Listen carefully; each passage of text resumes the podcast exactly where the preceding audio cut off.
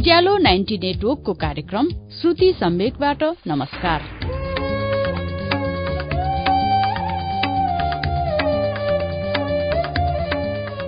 उज्यालो ninety नेटवर्कमा हरेक मंगलबार र शुक्रबार राति सवा नौ बजे कार्यक्रम श्रुति सम्वेक प्रसारण हुन्छ।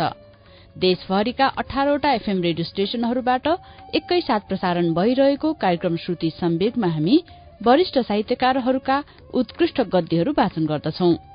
श्रुति सम्वेकको मंगलबारको श्रृंखलामा कृष्ण धरावासीको उपन्यास आधा बाटो सुनाइरहेका छौं।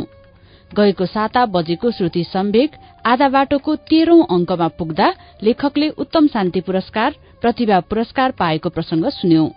उहाँले पहिलो पटक हवाईजहाज चढ़ेको पोखरामा डुङ्गा चढ़ेको प्रसंग पनि सुनियो।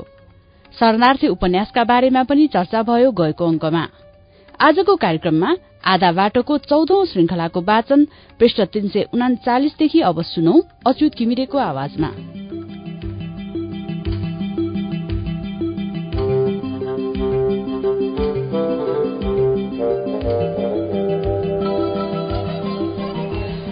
प्रत्येक वर्षमा प्रकाशित उत्कृष्ट कृतिहरूलाई दिने प्रतिभा पुरस्कार प्रतिष्ठान विराटनगरको प्रतिभा पुरस्कार दुई हजार छप्पन्नका उत्कृष्ट कृतिहरूमध्येमा शरणार्थी उपन्यास र मञ्जुलको मृत्यु कवितालाई संयुक्त रूपमा रु. पच्चिस पच्चिस हजार प्रदान गरिएको थियो। पुस्तक विमोचन भएको दुई महिनाभित्रै यसले पुरस्कृत हुन पाउनु पनि ठूलो गर्वको कुरा थियो र अहिलेसम्म पाएको सबैभन्दा ठूलो राशिको पुरस्कार नै त्यही थियो।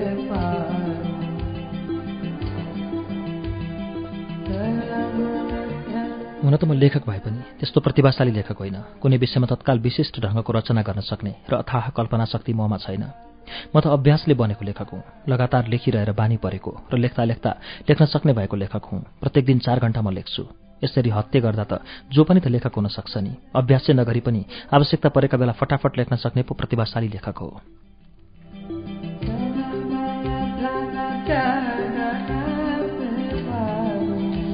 म प्रतिभाशाली नभएकोले नै राम्रा कविताहरू लेख्न सकिनँ अभ्यासी लेखक भएकोले विचार पक्ष र तर्क पक्षतिर ढल्केँ निबन्ध समालोचना राजनैतिक व्यङ्ग्य विश्लेषणहरूतिर लागे अर्काको पढेर त्यसमा आफ्ना पनि चान्चुने कुराहरू जोडजाड मिसमास गरेर लेख्ने भए।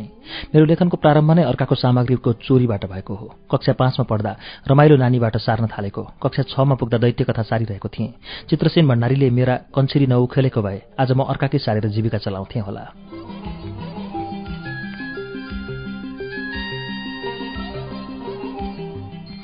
आमा स्थायी रूपमा रोगी हुनुभएको थियो। उहाँलाई पेटको समस्याले गाँजेको थियो। पित्त थैलीको अपरेसन गर्न नमानेपछि त्यसैको असह्य पीडाले उहाँ सदा छटपटाइरहनुहुन्थ्यो।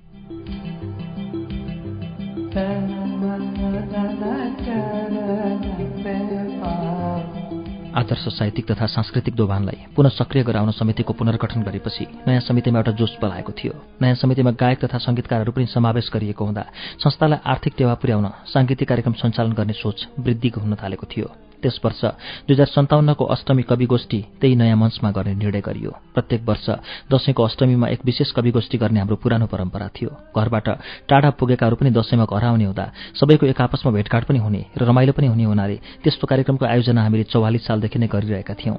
त्यसै परम्पराको निरन्तरता स्वरूप हामीले दुई हजार सन्ताउन्न सालको दशैंमा पनि चोक बजारमा अष्टमी कवि गोष्ठी आयोजना गर्यौं।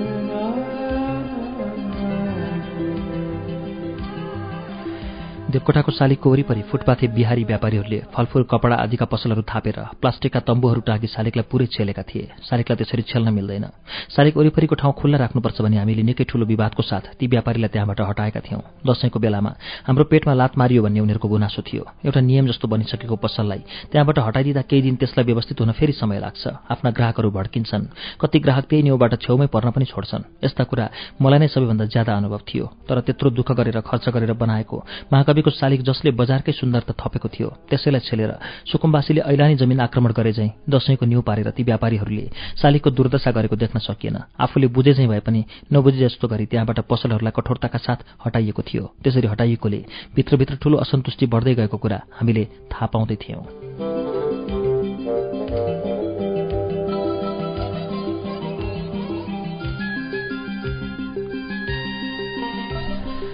कार्यक्रम भर्खर सुरु भएको थियो। स्वागत भाषण सकिएर दुई चारजनाले कविता मात्र पाठ गरिसकेका थिए। गाउने साथीहरू ढोलक मादल गिटारहरू सुमसुमाउँदै थिए। एकाएक मातेको मनोज बुढा थोकी मञ्चको उत्तरपट्टिबाट हाम्रो अगाडि दक्षिणतिर गए। भिड भएकाले यसरी हिँडेका होलान् अशिष्ट जस्तो भए पनि गइहाल भन्ने सोचे तर उनी मञ्चको दक्षिणतिर बसेका दोभानका सदस्य तथा वातावरणका अध्यक्ष दीपक ढकालमाथि आक्रमण गर्न पुगेका रहेछन्। मनोज स्टेजमा चढेपछि उनकै काकाको छोरो जितबहादुर बुढाथोकी पनि उस्तै मातेको अवस्थामा स्टेजमा चढी तथा नाम अश्लील गाली गर्दै दीपकलाई छातीमा समातेर स्टेजबाट तल झारे।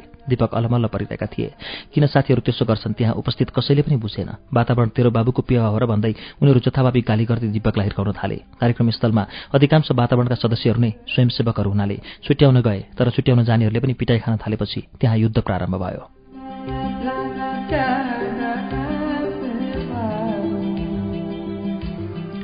तल कुर्सीमा बसेका केशवाचार्य सम्झाउन गएका डरो एक मुखका छातीमा पाएछन्। रन्थनिएर एक कुरामा पुगेर अररो भए। कार्यक्रम हेर्न आएका आइमाई केटाकेटीहरू डरले तितर बितर हुन थाले। केही अभिभावक खाले चनिश्चर्यका पुराना चर्चित युवकहरू पनि त्यहाँ थिए तर उनीहरूले यो झगडालाई शान्त पार्न त्यति पहल गरेनन्। बरु पर बसेर दर्शक बनिरहे। मलाई लागेको थियो उनीहरूले चाहेको भए सजिलै छुट्याउन सकिन्थ्यो। मातेका दुई तिनजना युवकहरूलाई चाहेका भए त्यहाँ सजिलै नियन्त्रण लिन सकिन्थ्यो तर त्यसको खासै पहल गरिएन। कार्यक्रम त अब झन् जसरी पनि चलाउनु पर्छ नै। खै म गीत गाउँछु भनेर सञ्जीवले गिटार फिट गर्न लागे। मानिसहरू सञ्जीवको गीत सुन्न एकाग्र हुन थाले।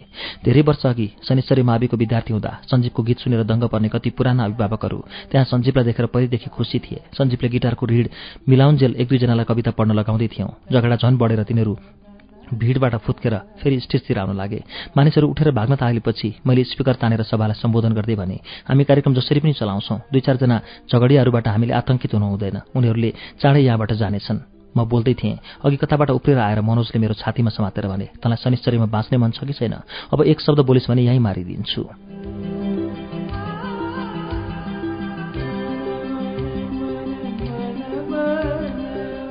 वास्तवमा म एक शब्दै बोल्न सकिनँ। त्यति डह्रो मान्छेले घाँटिने अठिने गरी छातीको लुगा सोरेर समातेको थियो र नाकैलाई ताकेर अर्को मुड्की उज्याएको थियो। भिड आतंकित पनि थियो र शान्त पनि। मानव त्यहाँ कुनै नाटकको अभिनय गरिँदैछ। म अलमल भइरहेको बेला कताबाट चतुर्भुज काफले उनका भाइहरू विष्णु निरौला र अरू केही भाइहरू साह्रै उत्तेजित भएर स्टेजमा आए र उनीहरूले मनोजबाट मलाई फुत्काएर मनोजतिर जाइ लागे।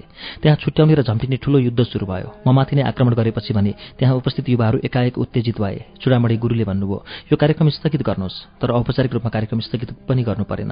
अघि नै माइकवाला बाजावालाले आफ्ना सामान सुरक्षित गरिसकेका थिए। वर्षौंदेखि गुण्डागर्दीमा बदनाम रहेको शनिश्चर्यमा साहित्य कला संस्कृतिका कामहरू गरेर दुई हजार अडतिस सालदेखि हामीले त्यहाँको वातावरण नै अर्कै बनाएका थियौँ। वर्षौंदेखि हामीले गरेर ल्याएको सुधारमा बाह्र मसला एकै लसुन भएको थियो। जिल्लाभरिका पाहुनाहरू कति बेला कसरी कसरी फर्किए थाहै भएन।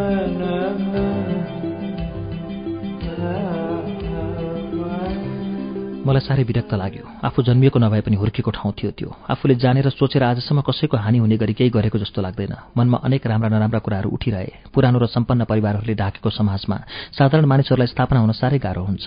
समाजका दुई चार विशिष्ट संरक्षकहरूका कारण मात्र सर्वसाधारणहरू जसै तसै बाँचिरहेका हुन्छन्। तर ती संरक्षक पनि कमजोर हुँदै गएपछि त्यस्तो समाज विकृति र विशृङ्खल हुन्छ।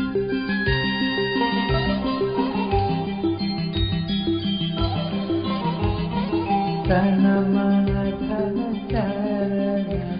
कुमार दाईले केटाहरूलाई प्रशासनिक कारवाही गराउनुपर्छ सार्वजनिक मुद्दा हाल्नुपर्छ। तपाईँका पक्षमा म लड्छु भाइ भन्नुभयो। कुमार दाईको कुराले मलाई साह्रै भावुक बनायो। बालकैदेखि मलाई बाबुको जस्तो शिक्षा संरक्षण दिँदै आउनुभएको कुमार दाई आज पनि मेरा प्रति उत्तिकै सहयोगी हुनुहुन्थ्यो। त्यो दिन रात परिसकेको थियो। भोलिपल्ट बिहानै कृष्ण बराल र म कुमार दाईलाई भेट्न गयौँ। धेरै दुःखी हुनुहुन्थ्यो उहाँ। शनिश्चर्यमा कसैले केही राम्रो काम गर्न लाग्यो भने कुनै न कुनै न्युज झिकेर त्यसलाई भाँडिहाल्छन् कहिल्यै विकास हुन सकेन शनिश्चर्य भनेर साह्रै पिर मान्नुभयो। फेरि पनि उहाँले दुई चार दिन भए पनि केटाहरूलाई चेताउनै पर्छ भनिरहनु भएको थियो। तर कृष्ण दाई र मैले भन्यौँ चेताउनु त ठिकै हो तर यो मुद्दा र झगडा टाउकामा बोकेर कति दिन हिँडिरहने? कहाँ पुर्याउने यो झमेलालाई? आफ्नो सोझो बाटो हिँड्न छोडेर यो झमेलातिर नलागौँ होला दाई। बरु तपाईँहरू बसेर केटाहरूलाई सम्झाइदिनु पर्ला।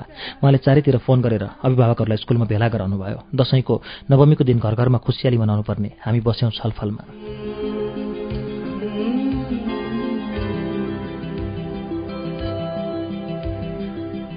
स्कुलको मैदानमा शनिश्चर्यका अधिकांश सम्मानित अभिभावकहरू भेला भएका थिए। सबैले हिजोको घटनाको भर्सना गरेका थिए र केटाहरूलाई गाली गरेर माफी मगाएका थिए। त्यो घटनापछि मलाई वास्तवमा हृदयदेखि नै शनिश्चर्यप्रति वितृष्णा भयो। मलाई लाग्यो अब शनिश्चर्यमा मेरो भोग पुग्यो। जुन ठाउँमा बिना कारण हमला हुन थाल्छ त्यो ठाउँले आफूलाई विदा गर्न लागेको ठान्नुपर्छ।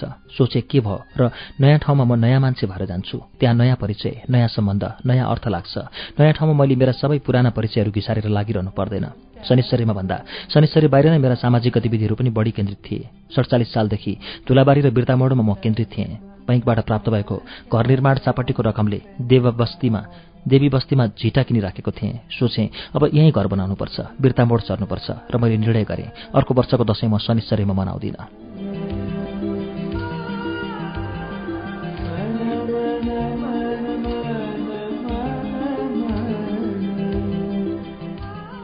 घटनाको पाँच सात दिनपछि एक दिन सरोज सरसँग बजारमा भेट भयो। उहाँले आफै झगडा सम्बन्धी प्रसङ्ग निकाल्नुभयो। त्यो दिन मैले कहिले जवाफ नफर्काएको उहाँसँग बडा उत्तेजित भएर जवाफ फर्काएँ। मलाई उहाँसँग एउटा कुराको चित्त दुखेको थियो। त्यो के भने उहाँ एउटा राम्रो लेखक साहित्यकार र अभिभावक समेत भएर पनि त्यत्रो घटनालाई सामान्यकरण गरिरहनु भएको थियो। मैले भने बुझ्नुभयो मामा यही घटना यदि तपाईँहरूमाथि भएको भए म त्यसलाई त्यस बेलासम्म राष्ट्रव्यापी बनाइसक्थेँ। तर तपाईँहरूलाई त मानौ थाहै छैन। उहाँले पनि निकै कुरा गर्नुभयो तर धेरै चाहिँ मेरै सुन्नुभयो। मैले भने म त के एउटा डेराको रूपमा बसिरहेको मान्छे। मलाई शनिश्चरीमा जीवन बिताउनु पर्ने बाध्यता छैन।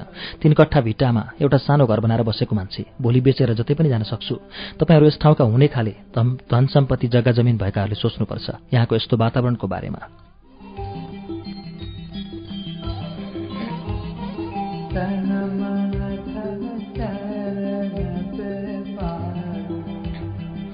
उहाँले मलाई उत्तेजित नहुन संयमित हुन परिस्थितिसँग जुझ्न अर्ती दिनुभयो त्यसरी पलायन हुनु भाग्नु हुँदैन जुधेर जिउनुपर्छ भन्नुभयो। उहाँलाई परेको थिएन अर्ती दिनुभयो मलाई पर्दै पनि त्यसमा उहाँहरूको सरसहयोग थिएन।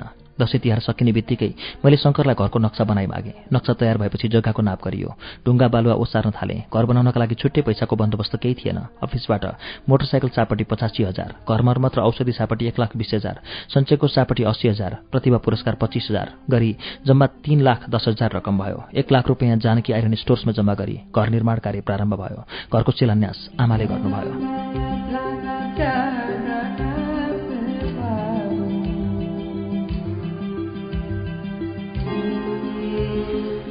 घर निर्माणको रेखदेख कार्य सबै सीताजीको जिम्मामा भयो। बेला बेला दिउँसोतिर अफिसबाट समय निकालेर निर्माण स्थलमा पुग्थेँ। नत्र बिहानदेखि बेलुकैसम्म सीताजी नै त्यहाँ गोठालो लाग्थिन्। आमा पनि सन्चो हुँदा कहिलेकाहीँ रिक्सामा चढेर आउनुहुन्थ्यो आमालाई पनि ठूलो रहर थियो। बिर्तामोडमा घर बनाइएको हेर्ने।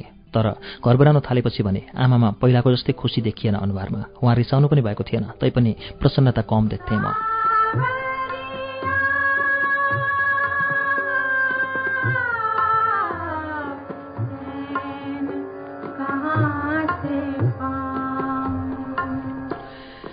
निकै दिनपछि एक दिन सीताजीले भने आमा त एकान्तमा रोइरहनुहुन्छ अचेल।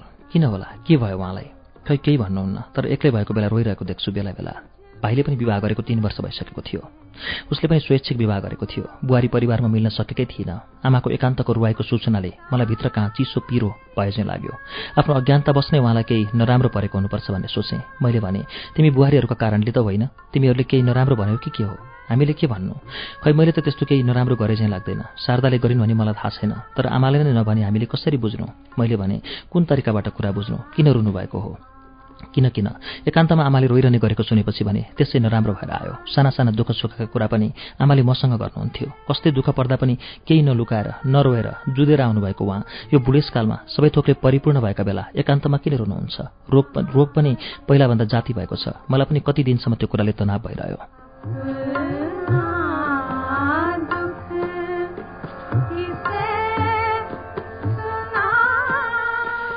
एक दिन मैले नै सोधेँ सीताजीलाई केही थाहा भयो? आमा एकान्तमा किन रुँदो हुँदो रहेछ?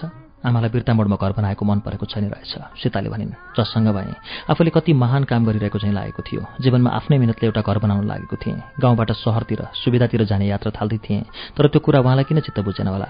एक दिन फेरि सीताजीले भनिन् आमालाई हामीसँग आउने मन छैन। भाइलाई एक्लै छोडेर सबैजना फुत्त निस्केर कसरी हिँड्नु? कुमारकी सानी छोरी छ? तिमीहरूका सबै बुढा हुर्किसके। सबैलाई हुर्काइदिए। यसले व्यवहार पनि राम्रो जानेको छैन। बुहारी पनि केटाकेटी नै छे भन्नुभयो आमाले।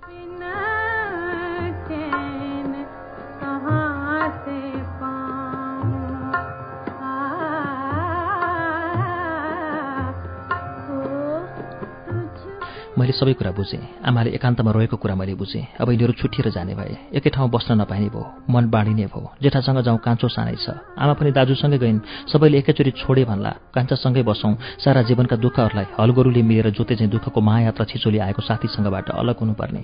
आमा ठूलो आत्मिक द्वन्द्वमा पर्नुभएको रहेछ। सीताजीबाट आमाको त्यो कुरा थाहा पाएपछि बेलुका मैले आमालाई भने तल घर बनाउन थाले। अब यिनीहरू छुट्टिएर जान लाग्यो भन्ने आमालाई पिर परेको होला। त्यस्तो पिर केही लिनु पर्दैन। हामी छुट्टिन आँटेको होइन। अहिले बैङ्कले दिएको सापट्टि सुविधालाई व्यवस्थित गर्न लागि मात्र हो। त्यो पैसा अन्यत्र खर्च भयो भने पछि गाह्रो पर्ला भने एउटा घर बनाइराख्न खोजेको। आफै बसे पनि भयो भाडामा लगाइदिए पनि भयो यहाँ पनि हाम्रो यही तिन कट्ठा भिटा र बस्ने साधारण घर त हो नि। हामी खेतीपाती नभएका मान्छेलाई यहीँ बस्नै पर्छ भन्ने के छ र? अलिक सहर बजारतिर निस्केर अन्य व्यापार गरे भयो भाइको कम्प्युटर इन्स्टिच्युट पनि शनिश्चरीमा भन्दा बिर्ता मोडमै राम्रो चल्छ। यहाँको यो घर जग्गा पछि बेच्यो सबै तलै गयो। मैले त यही सोचेर घर बनाउन थालेको। यहाँको यो नबेकुन्जेल भाइ यतै बस्दै गर्छ। आमालाई के छ र? तल पनि एउटा अलगै कोठा हुन्छ। यहाँ पनि। कहिले तल कहिले माथि जता मन लाग्छ त्यतै बस्यो। हिँडुल गर्न पनि पाइने मन पनि बहलिने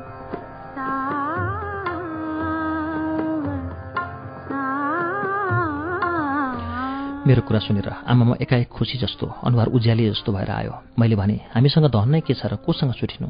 त्यही जहाँ बसे पनि दुई चाक खानु त हो। मभन्दा धेरै पढेको छ भाइले। ऊ पनि छ उमेरदार पनि छ। मेरो त सबैभन्दा पछिसम्मको आठ भरोसा नै उयो हो। बुबा खस्दा अढाई वर्षको थियो। उसलाई त बुबाको अनुहार पनि थाहा छैन। उसले चिनेको हाम्रो घरको सबैभन्दा मान्नुपर्ने मान्छे। तपाईँ पछिको म नै हो। उसलाई छुट्याएर अलग पारेर म कहाँ जान सक्छु र?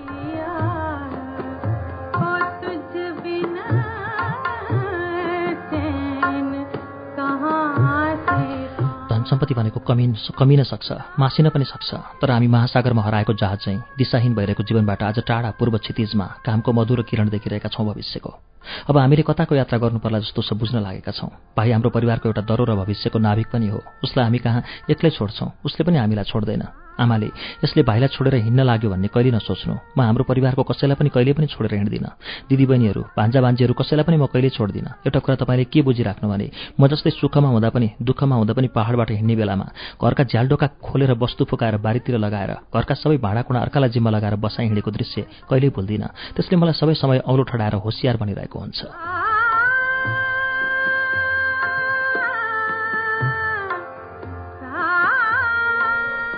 तर मलाई थाहा थियो त्यो दिनदेखि आमामा ठुलो परिवर्तन आयो। उहाँ हाँस्न जिस्किन पनि थाल्नुभयो। उज्यालो हुँदै गयो अनुहार।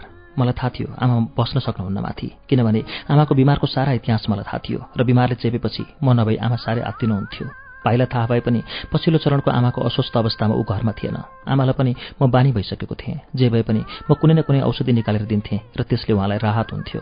तर आमा र भाइको इच्छामा मैले यो कुरा छोडेको थिएँ। शनिश्चरीको घर नबिकेसम्म भाइ शनिश्चरीमा बस्नुपर्ने बाध्यता थियो। त्यो घर बिक्न साथ त्यही पैसाले बिर्ता मोडमा उसलाई पनि एउटा राम्रो घर बनाएर नजिकै राख्ने मेरो इच्छा छँदै थियो र त्यो घर बेच्न उसलाई मैले जिम्मा लगाएको थिएँ।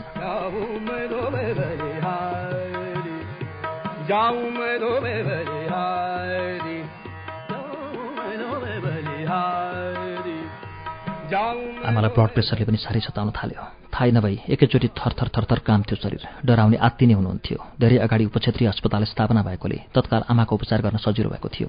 त्यस अस्पतालमा स्वास्थ्य सहायक हरिवल्लभ कर्ण बडा मिलनसार अनुभवी र व्यवहारिक मानिस थिए। जति बेला पनि जुरुको उठेर आएर आमाको परीक्षण गर्थे दबाई दिन्थे।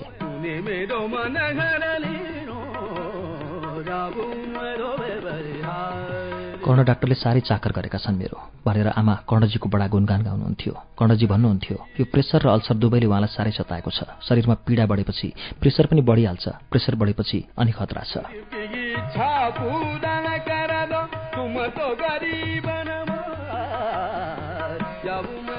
दुई हजार अन्ठाउन्न साल लाग्यो। नयाँ वर्षको खुसियाली। तर देशमा झन्झन अशान्ति र आतंकको वातावरण फैलिँदै गएको थियो। दुई हजार एकाउन्न सालदेखि माओवादीले सुरु गरेको सशस्त्र विद्रोह दिन प्रतिदिन विकसित विध्वंसक र क्रूरतापूर्वक बन्दै गइरहेको थियो।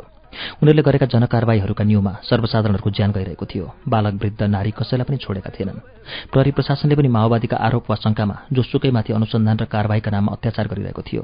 माओवादीले छोडेका सकेट बमहरू पड्केर बुढा केटाकेटीहरू मरिरहेका थिए। जताततै लुटपाट हत्या आतंक र विनाश मात्र सुन्नु पर्थ्यो पूर्वाञ्चलमा माओवादीको त्यति ठूलो प्रभाव नभए पनि पश्चिमाञ्चलका समाचारहरूले नै हामी सबै चिन्तित थियौँ। सानो थियो हाम्रो देश थोरै मान्छे थियौँ। प्रकृतिले संसारका अरू कुनै मुलुकमा नदिएको सौन्दर्यले यसलाई रङ्गाएर रमाएको थियो। हिमाल पहाड तराई उपत्यका सबै भौगोलिक विविधताहरूमा सुन्दरताको कला भरिएको थियो। भाषा भेष हावापानी बोट बिरुवा जडीबुटी देवी देवता उकाली उराली सरलता र कठिनाई सबै एकै ठाउँ थियो।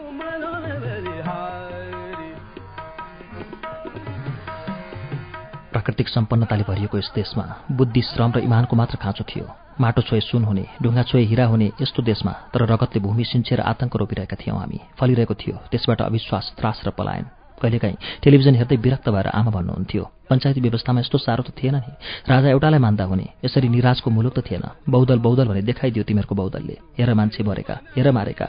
उहाँ मलाई हेर्नुहुन्थ्यो मानव मैले नै त्यत्रा मानिसहरू मारेको हुँ।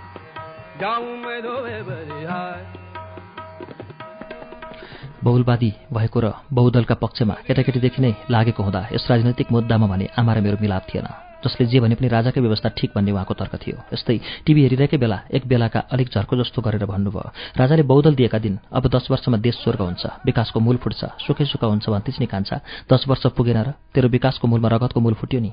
मान्छेले मान्छे मारेरै नअगाउने भए त अनि रिसाए जस्तो गरेर भन्नुभयो। यी राजा पनि के भएका? समातेर सबैलाई थुनथान पार्नु नि यसरी मान्छेले मान्छे मारेको पनि राजा भएर हेरिरहनुहुन्छ? म नाजवाफ दिएँ प्रजातन्त्रवादीका हैसियतले मेरी आमाका अघि म पनि जवाफ दिए थिएँ। मैले मेरी आमाको प्रश्नको जवाफ दिन सक्नु पर्थ्यो तर म निल्ल परेर चुपचाप टिभी हेरिरहेँ। मेरी आमाले त्यत्रो आक्रोश व्यक्त गर्नु भनेको प्रत्येक घरका आमाहरूले आफूभित्र त्यसै गरी पीडा घुम्स्याउनु थियो।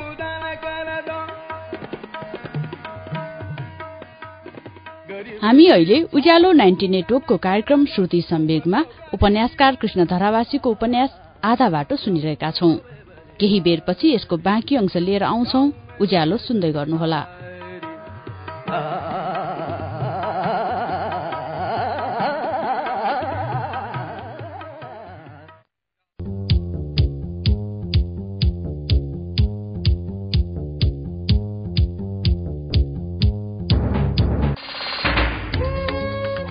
कार्यक्रम श्रुति सम्वेक। तपाई अहिले उज्यालो नाइन्टी नेटवर्क काठमाडौँसँगै इलाम एफएम झापाको एफएम मेची ट्युन्स बर्दिवासको रेडियो दर्पण दोलखाको कालिन्चोक एफएम वीरगंजको नारायणी एफएम हेटौँडा एफएम चितवनको रेडियो त्रिवेणीमा सुनिरहनु भएको छ। त्यसै गरी फलेवासको रेडियो पर्वत गुल्मीको रेडियो रेसुङ्गा पोखराको रेडियो तरंगमा पनि श्रुति सम्वेक सुन्दै हुनुहुन्छ। अनि रेडियो प्युठान दाङको रेडियो मध्यपश्चिम कपिलवस्तुको रेडियो बुद्ध आवाज भेरीको रेडियो कोहलपुर सल्यानको रेडियो राप्ती सुर्खेतको रेडियो भेरी र जुम्लाको रेडियो कर्णालीबाट पनि अहिले एकैसाथ श्रुति सम्वेक प्रसारण भइरहेको छ। श्रुति सम्वेकको आजको श्रृंखलामा हामी कृष्ण धरावासीको उपन्यास आधा बाटो सुन्दैछौ। उपन्यासको बाँकी अंश अब सुनौ।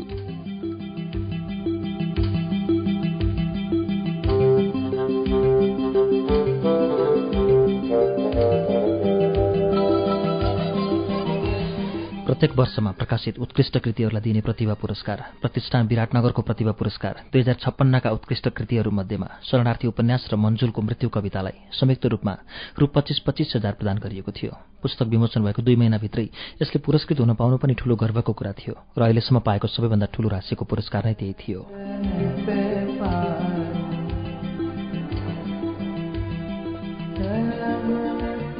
हुन त म लेखक भए पनि त्यस्तो प्रतिभाशाली लेखक होइन। कुनै विषयमा तत्काल विशिष्ट ढङ्गको रचना गर्न सक्ने र अथाह कल्पना शक्ति ममा छैन। म त अभ्यासले बनेको लेखक हुँ। लगातार लेखिरहेर बानी परेको र लेख्दा लेख्दा लेख्न सक्ने भएको लेखक हुँ। प्रत्येक दिन चार घण्टा म लेख्छु। यसरी हत्ते गर्दा त जो पनि त लेखक हुन सक्छ नि। अभ्यासै नगरी पनि आवश्यकता परेका बेला फटाफट लेख्न सक्ने पो प्रतिभाशाली लेखक हो।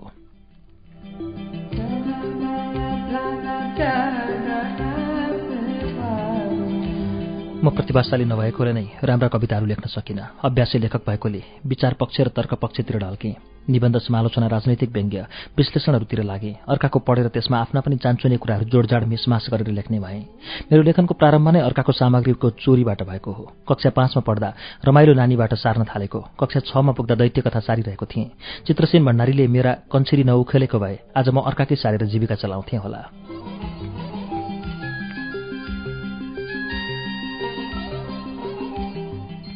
आमा स्थायी रूपमा रोगी हुनुभएको थियो। उहाँलाई पेटको समस्याले गाँजेको थियो। पित्त थैलीको अपरेसन गर्न नमानेपछि त्यसैको असह्य पीडाले उहाँ सदा छटपटाइरहनुहुन्थ्यो।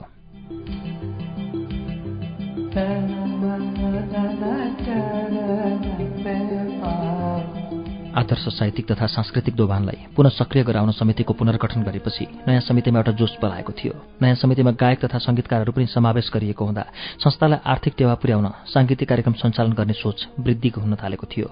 त्यस वर्ष दुई हजार सन्ताउन्नको अष्टमी कवि गोष्ठी त्यही नयाँ मञ्चमा गर्ने निर्णय गरियो। प्रत्येक वर्ष दशैंको अष्टमीमा एक विशेष कवि गोष्ठी गर्ने हाम्रो पुरानो परम्परा थियो। घरबाट टाढा पुगेकाहरू पनि दशैंमा घर आउने हुँदा सबैको एक आपसमा भेटघाट पनि हुने र रमाइलो पनि हुने हुनाले त्यस्तो कार्यक्रमको आयोजना हामीले चौवालिस सालदेखि नै गरिरहेका थियौं।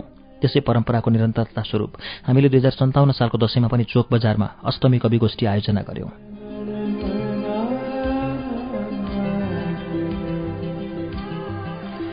देवकोटाको शालिगको वरिपरि फुटपाथे बिहारी व्यापारीहरूले फलफूल कपडा आदिका पसलहरू थापेर प्लास्टिकका तम्बुहरू टाँगी शालिगलाई पुरै छेलेका थिए। शालिगलाई त्यसरी छेल्न मिल्दैन। शालिग वरिपरिको ठाउँ खुल्ला राख्नुपर्छ भने हामीले निकै ठूलो विवादको साथ ती व्यापारीलाई त्यहाँबाट हटाएका थियौं। दशैंको बेलामा हाम्रो पेटमा लात मारियो भन्ने उनीहरूको गुनासो थियो। एउटा नियम जस्तो बनिसकेको पसललाई त्यहाँबाट हटाइदिँदा केही दिन त्यसलाई व्यवस्थित हुन फेरि समय लाग्छ। आफ्ना ग्राहकहरू भड्किन्छन्। कति ग्राहक त्यही न्युबाट छेउमै पर्न पनि छोड्छन्। यस्ता कुरा मलाई नै सबैभन्दा ज्यादा अनुभव थियो। तर त्यत्रो दुःख गरेर खर्च गरेर बनाएको महाकवि तपाईँको शालिग जसले बजारकै सुन्दरता थपेको थियो त्यसैलाई छेलेर सुकुम्बासीले ऐलानी जमिन आक्रमण गरे चाहिँ दशैंको न्यू पारेर ती व्यापारीहरूले शालिगको दुर्दशा गरेको देख्न सकिएन। आफूले बुझे चाहिँ भए पनि नबुझे जस्तो गरी त्यहाँबाट पसलहरूलाई कठोरताका साथ हटाइएको थियो। त्यसरी हटाइएकोले भित्रभित्र ठूलो असन्तुष्टि बढ्दै गएको कुरा हामीले थाहा पाउँदै थियौं।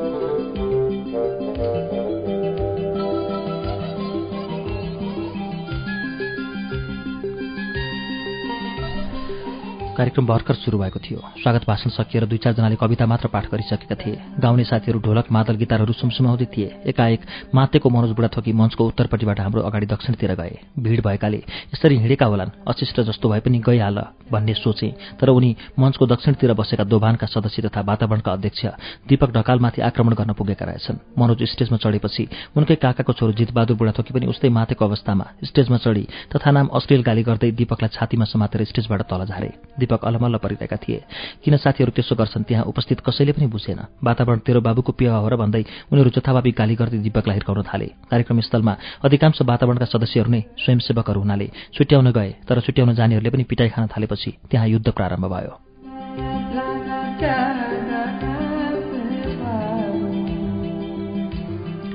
तल कुर्सीमा बसेका केशवाचार्य सम्झाउन गएका डरो एक मुखका छातीमा पाएछन्। रन्थनिएर एक कुनामा पुगेर अररो भए। कार्यक्रम हेर्न आएका आइमाई केटाकेटीहरू डरले तितर बितर हुन थाले। केही अभिभावक खाले शनिश्चर्यका पुराना चर्चित युवकहरू पनि त्यहाँ थिए तर उनीहरूले यो झगडालाई शान्त पार्न त्यति पहल गरेनन्। बरु पर बसेर दर्शक बनिरहे। मलाई लागेको थियो उनीहरूले चाहेको भए सजिलै छुट्याउन सकिन्थ्यो। मातेका दुई तिनजना युवकहरूलाई चाहेका भए त्यहाँ सजिलै नियन्त्रण लिन सकिन्थ्यो तर त्यसको खासै पहल गरिएन। कार्यक्रम त अब झन् जसरी पनि चलाउनु पर्छ नै। खै म गीत गाउँछु भनेर सञ्जीवले गिटार फिट गर्न लागे। मानिसहरू सञ्जीवको गीत सुन्न एकाग्र हुन थाले। धेरै वर्ष अघि शनिश्चरी माविको विद्यार्थी हुँदा सञ्जीवको गीत सुनेर दङ्ग पर्ने कति पुराना अभिभावकहरू त्यहाँ सञ्जीवलाई देखेर पहिलेदेखि खुसी थिए। सञ्जीवले गिटारको ऋण मिलाउन्जेल एक दुईजनालाई कविता पढ्न लगाउँदै थियौँ। झगडा झन बढेर तिनीहरू भिडबाट फुत्केर फेरि स्टेजतिर आउन लागे। मानिसहरू उठेर भाग्न थालेपछि मैले स्पिकर तानेर सभालाई सम्बोधन गर्दै भने हामी कार्यक्रम जसरी पनि चलाउँछौँ दुई चारजना झगडियाहरूबाट हामीले आतंकित हुनु हुँदैन उनीहरूले चाँडै यहाँबाट जानेछन्। म बोल्दै थिएँ अघि कताबाट उफ्रेर आएर मनोजले मेरो छातीमा समातेर भने तँलाई शनिश्चरीमा बाँच्ने मन छ कि छैन? अब एक शब्द बोलिस् भने यहीँ मारिदिन्छु।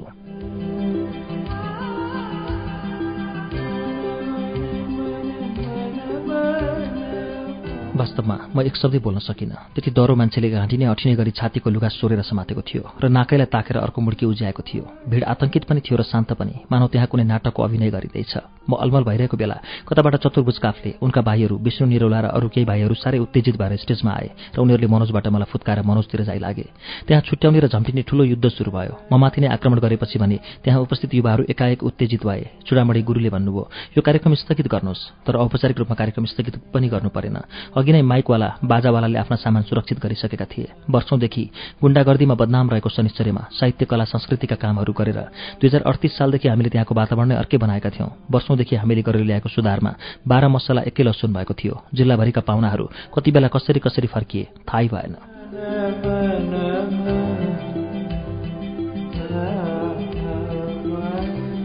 मलाई साह्रै विरक्त लाग्यो। आफू जन्मिएको नभए पनि हुर्केको ठाउँ थियो त्यो। आफूले जानेर सोचेर आजसम्म कसैको हानि हुने गरी केही गरेको जस्तो लाग्दैन। मनमा अनेक राम्रा नराम्रा कुराहरू उठिरहे। पुरानो र सम्पन्न परिवारहरूले ढाकेको समाजमा साधारण मानिसहरूलाई स्थापना हुन साह्रै गाह्रो हुन्छ। समाजका दुई चार विशिष्ट संरक्षकहरूका कारण मात्र सर्वसाधारणहरू जसै तसै बाँचिरहेका हुन्छन् तर ती संरक्षक पनि कमजोर हुँदै गएपछि त्यस्तो समाज विकृति र विशृङ्खल हुन्छ।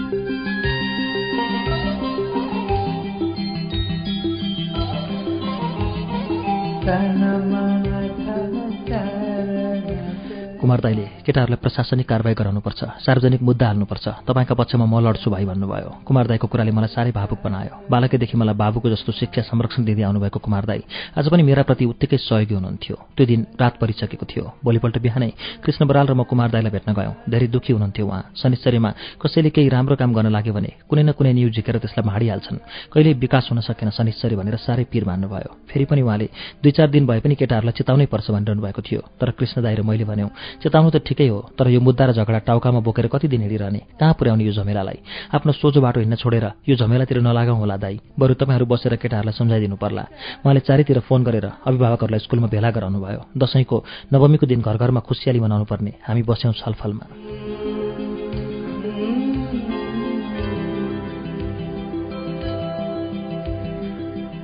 स्कुलको मैदानमा शनिश्चर्यका अधिकांश सम्मानित अभिभावकहरू भेला भएका थिए। सबैले हिजोको घटनाको भर्सना गरेका थिए र केटाहरूलाई गाली गरेर माफी मगाएका थिए। त्यो घटनापछि मलाई वास्तवमा हृदयदेखि नै शनिश्चर्यप्रति वितृष्णा भयो। मलाई लाग्यो अब शनिश्चर्यमा मेरो भोग पुग्यो। जुन ठाउँमा बिना कारण हमला हुन थाल्छ त्यो ठाउँले आफूलाई विदा गर्न लागेको ठान्नुपर्छ।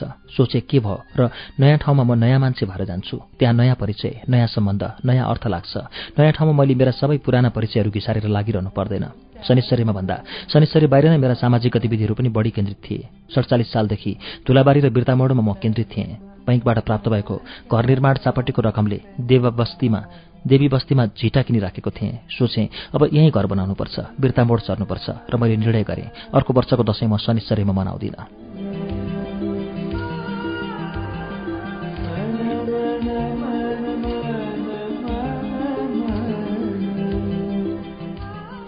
घटनाको पाँच सात दिनपछि एक दिन सरोज सरसँग बजारमा भेट भयो। उहाँले आफै झगडा सम्बन्धी प्रसङ्ग निकाल्नुभयो। त्यो दिन मैले कहिले जवाफ नफर्काएको उहाँसँग बडा उत्तेजित भएर जवाफ फर्काएँ। मलाई उहाँसँग एउटा कुराको चित्त दुखेको थियो। त्यो के भने उहाँ एउटा राम्रो लेखक साहित्यकार र अभिभावक समेत भएर पनि त्यत्रो घटनालाई सामान्यकरण गरिरहनु भएको थियो। मैले भने बुझ्नुभयो मामा यही घटना यदि तपाईँहरूमाथि भएको भए म त्यसलाई त्यस बेलासम्म राष्ट्रव्यापी बनाइसक्थेँ। तर तपाईँहरूलाई त मानौ थाहै छैन। उहाँले पनि निकै कुरा गर्नुभयो। तर धेरै चाहिँ मेरै सुन्नुभयो। मैले भने म त के एउटा डेराको रूपमा बसिरहेको मान्छे। मलाई शनिश्चरीमा जीवन बिताउनु पर्ने बाध्यता छैन।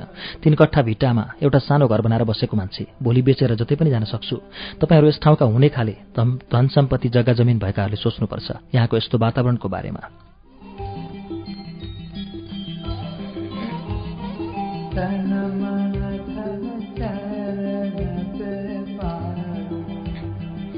उहाँले मलाई उत्तेजित नहुन सम्मिवित हुन परिस्थितिसँग जुझ्न अर्थी दिनुभयो त्यसरी पलायन हुनु भाग्नु हुँदैन जुधेर जिउनुपर्छ भन्नुभयो। उहाँलाई परेको थिएन अर्थी दिनुभयो मलाई पर्दै पनि त्यसमा उहाँहरूको सरसहयोग थिएन।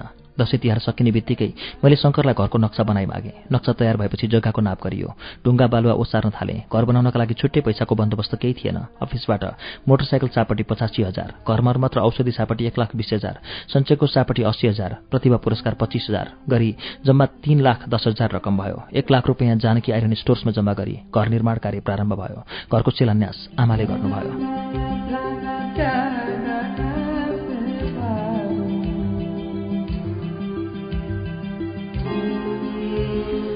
घर निर्माणको रेखदेख कार्य सबै सीताजीको जिम्मामा भयो। बेला बेला दिउँसोतिर अफिसबाट समय निकालेर निर्माण स्थलमा पुग्थेँ। नत्र बिहानदेखि बेलुकैसम्म सीताजी नै त्यहाँ गोठालो लाग्थिन्। आमा पनि सन्च हुँदा कहिलेकाहीँ रिक्सामा चढेर आउनुहुन्थ्यो आमालाई पनि ठूलो रहर थियो। बिर्तामोडमा घर बनाइएको हेर्ने।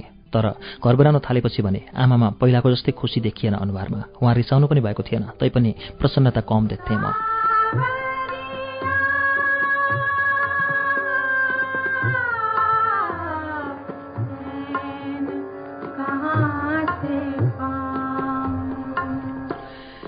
निकै दिनपछि एक दिन सीताजीले भनिन् आमा त एकान्तमा रोइरहनुहुन्छ अचेल। किन होला? के भयो उहाँलाई?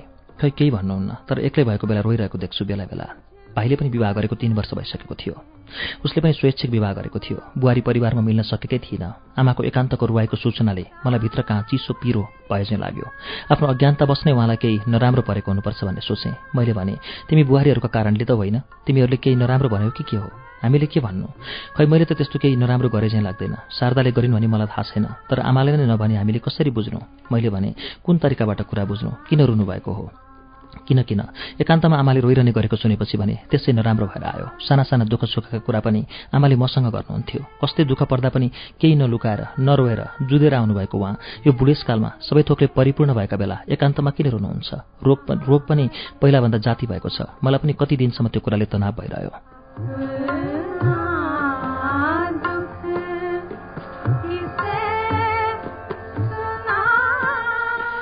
अनि एक दिन मैले नै सोधेँ सीताजीलाई केही थाहा भयो? आमा एकान्तमा किन रुँदो हुँदो रहेछ? आमालाई बिर्ता मोडमा घर बनाएको मन परेको छैन रहेछ। सीताले भनिन् जससँग भएँ।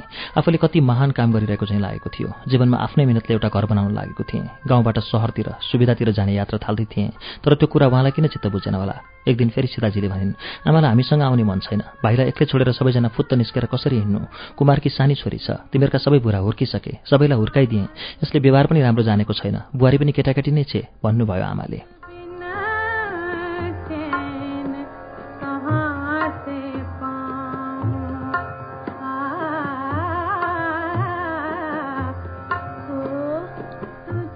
मैले सबै कुरा बुझेँ। आमाले एकान्तमा रहेको कुरा मैले बुझेँ। अब यिनीहरू छुट्टिएर जाने भए एकै ठाउँ बस्न नपाइने भयो मन बाँडिने भयो जेठासँग जाउँ कान्छो सानै छ। आमा पनि दाजुसँगै गइन्। सबैले एकैचोटि छोडे भन्ला कान्छासँगै बसौँ। सारा जीवनका दुःखहरूलाई हलगोरुले मिलेर जोते चाहिँ दुःखको महायात्रा छिचोली आएको साथीसँगबाट अलग हुनुपर्ने। आमा ठुलो आत्मिक द्वन्द्वमा पर्नुभएको रहेछ। सीताजीबाट आमाको त्यो कुरो थाहा पाएपछि बेलुका मैले आमालाई भने तल घर बनाउन थाले। अब यिनीहरू छुट्टिएर जान लागे भन्ने आमालाई पिर परेको होला। त्यस्तो पिर केही लिनु पर्दैन हामी छुट्टिन आँटेको होइन। अहिले बैङ्कले दिएको सापट्टि सुविधालाई व्यवस्थित गर्न लागि मात्र हो। त्यो पैसा अन्यत्र खर्च भयो भने पछि गाह्रो पर्ला भने एउटा घर बनाइराख्न खोजेको आफै बसे पनि भयो भाडामा लगाइदिए पनि भयो यहाँ पनि हाम्रो यही तिन कट्ठा भिटाएर बस्ने साधारण घर त हो नि। हामी खेतीपाती नभएका मान्छेलाई यहीँ बस्नै पर्छ भन्ने के छ र? अलिक सहर बजारतिर निस्केर अन्य व्यापार गरे भयो भाइको कम्प्युटर इन्स्टिच्युट पनि शनिश्चरीमा भन्दा बिर्ता मोडमै राम्रो चल्छ। यहाँको यो घर जग्गा पछि बेच्यो सबै तलै गयो। मैले त यही सोचेर घर बनाउन थालेको। यहाँको यो नवेकुञ्जल भाइ यतै बस्दै गर्छ। आमालाई के छ र? तल पनि एउटा अलगै कोठा हुन्छ। यहाँ पनि कहिले तल कहिले माथि जता मन लाग्छ त्यतै बस्यो। हिँडुल गर्न पनि पाइने मन पनि बहलिने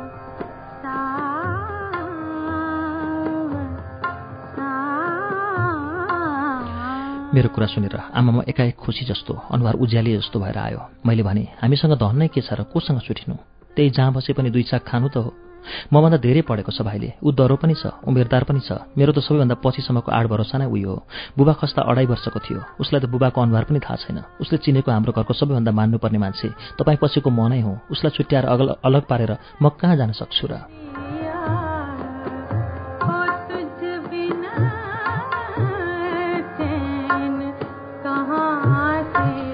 Sounds. सम्पत्ति भनेको कमिन कमिन सक्छ मासिन पनि सक्छ। तर हामी महासागरमा हराएको जहाज चाहिँ दिशाहीन भइरहेको जीवनबाट आज टाढा पूर्व क्षितिजमा कामको मधुरो किरण देखिरहेका छौँ भविष्यको।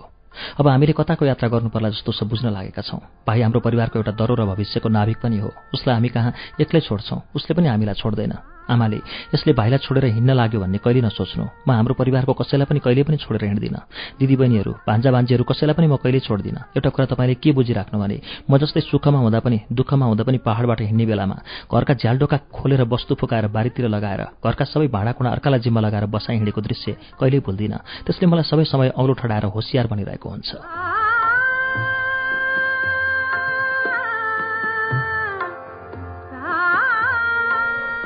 तर मलाई थाहा थियो त्यो दिनदेखि आमामा ठुलो परिवर्तन आयो। उहाँ हाँस्न जिस्किन पनि थाल्नुभयो। उज्यालो हुँदै गयो अनुहार। मलाई थाहा थियो आमा बस्न सक्नुहुन्न माथि। किनभने आमाको बिमारको सारा इतिहास मलाई थाहा थियो र बिमारले चेपेपछि म नभई आमा साह्रै आत्तिनुहुन्थ्यो भाइलाई थाहा भए पनि पछिल्लो चरणको आमाको अस्वस्थ अवस्थामा ऊ घरमा थिएन।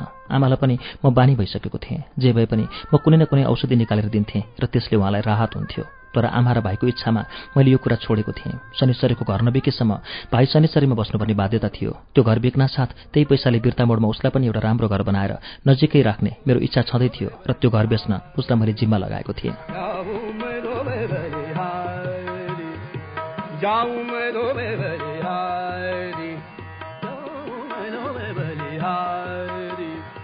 आमालाई ब्लड प्रेसरले पनि साह्रै सताउन थाल्यो। थाहै नभई एकैचोटि थरथर थरथर काम थियो शरीर। डराउने आत्ति नै हुनुहुन्थ्यो। धेरै अगाडि उपक्षेत्रीय अस्पताल स्थापना भएकोले तत्काल आमाको उपचार गर्न सजिलो भएको थियो। त्यस अस्पतालमा स्वास्थ्य सहायक हरिवल्लभ कर्ण बडा मिलनसार अनुभवी र व्यवहारिक मानिस थिए। जति बेला पनि जुरुको उठेर आएर आमाको परीक्षण गर्थे दबाई दिन्थे।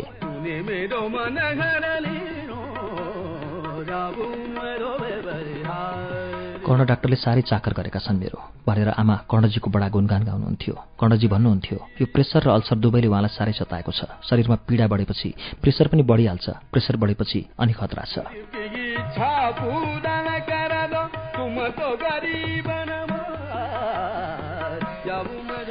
दुई हजार अन्ठाउन्न साल लाग्यो। नयाँ वर्षको खुसियाली। तर देशमा झन्झन अशान्ति र आतंकको वातावरण फैलिँदै गएको थियो। दुई हजार एकाउन्न सालदेखि माओवादीले सुरु गरेको सशस्त्र विद्रोह दिन प्रतिदिन विकसित विध्वंसक र क्रूरतापूर्वक बन्दै गइरहेको थियो। उनीहरूले गरेका जनकारवाहीहरूका न्युमा सर्वसाधारणहरूको ज्यान गइरहेको थियो। बालक वृद्ध नारी कसैलाई पनि छोडेका थिएनन्। प्रहरी प्रशासनले पनि माओवादीका आरोप वा शङ्कामा जोसुकैमाथि अनुसन्धान र कारवाहीका नाममा अत्याचार गरिरहेको थियो। माओवादीले छोडेका सकेट बमहरू पड्केर बुढा केटाकेटीहरू मरिरहेका थिए। जताततै लुटपाट हत्या आतंक र विनाश मात्र सुन्नु पर्थ्यो। पूर्वाञ्चलमा माओवादीको त्यति ठूलो प्रभाव नभए पनि पश्चिमाञ्चलका समाचारहरूले नै हामी सबै चिन्तित थियौँ। सानो थियो हाम्रो देश थोरै मान्छे थियौँ। प्रकृतिले संसारका अरू कुनै मुलुकमा नदिएको सौन्दर्यले यसलाई रङ्गाएर रमाएको थियो। हिमाल पहाड तराई उपत्यका सबै भौगोलिक विविधताहरूमा सुन्दरताको कला भरिएको थियो। भाषा भेष हावापानी बोट बिरुवा जडीबुटी देवी देवता उकाली उराली सरलता र कठिनाई सबै एकै ठाउँ थियो।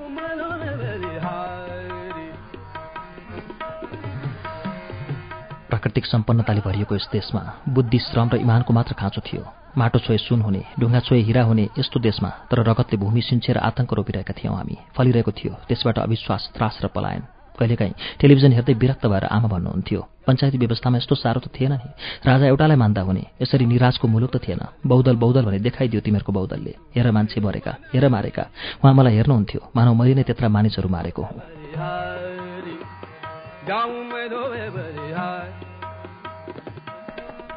बहुलवादी भएको र बहुदलका पक्षमा केटाकेटीदेखि नै लागेको हुँदा यस राजनैतिक मुद्दामा भने आमा र मेरो मिलाप थिएन जसले जे भने पनि राजाकै व्यवस्था ठिक भन्ने उहाँको तर्क थियो। यस्तै टिभी हेरिरहेकै बेला एक बेलाका अलिक झर्को जस्तो गरेर भन्नुभयो राजाले बौद्धल दिएका दिन अब दस वर्षमा देश स्वर्ग हुन्छ विकासको मूल फुट्छ सुखै सुख हुन्छ भन्थिस् नि कान्छा दस वर्ष पुगेन र तेरो विकासको मूलमा रगतको मूल फुट्यो नि।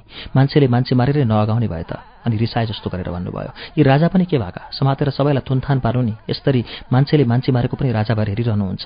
म ना जवाफ दिएँ प्रजातन्त्रवादीका हैसियतले मेरी आमाका अघि म पनि जवाफ दिए थिएँ। मैले मेरी आमाको प्रश्नको जवाफ दिन सक्नु पर्थ्यो तर म निल्ल परेर चुपचाप टिभी हेरिरहेँ। मेरी आमाले त्यत्रो आक्रोश व्यक्त गर्नु भनेको प्रत्येक घरका आमाहरूले आफूभित्र त्यसै गरी पीडा घुम्स्याउने थियो कार्यक्रम श्रुति सम्वेगमा भर्खरै वाचन भयो कृष्ण धरावासीको नयाँ उपन्यास आधा बाटो।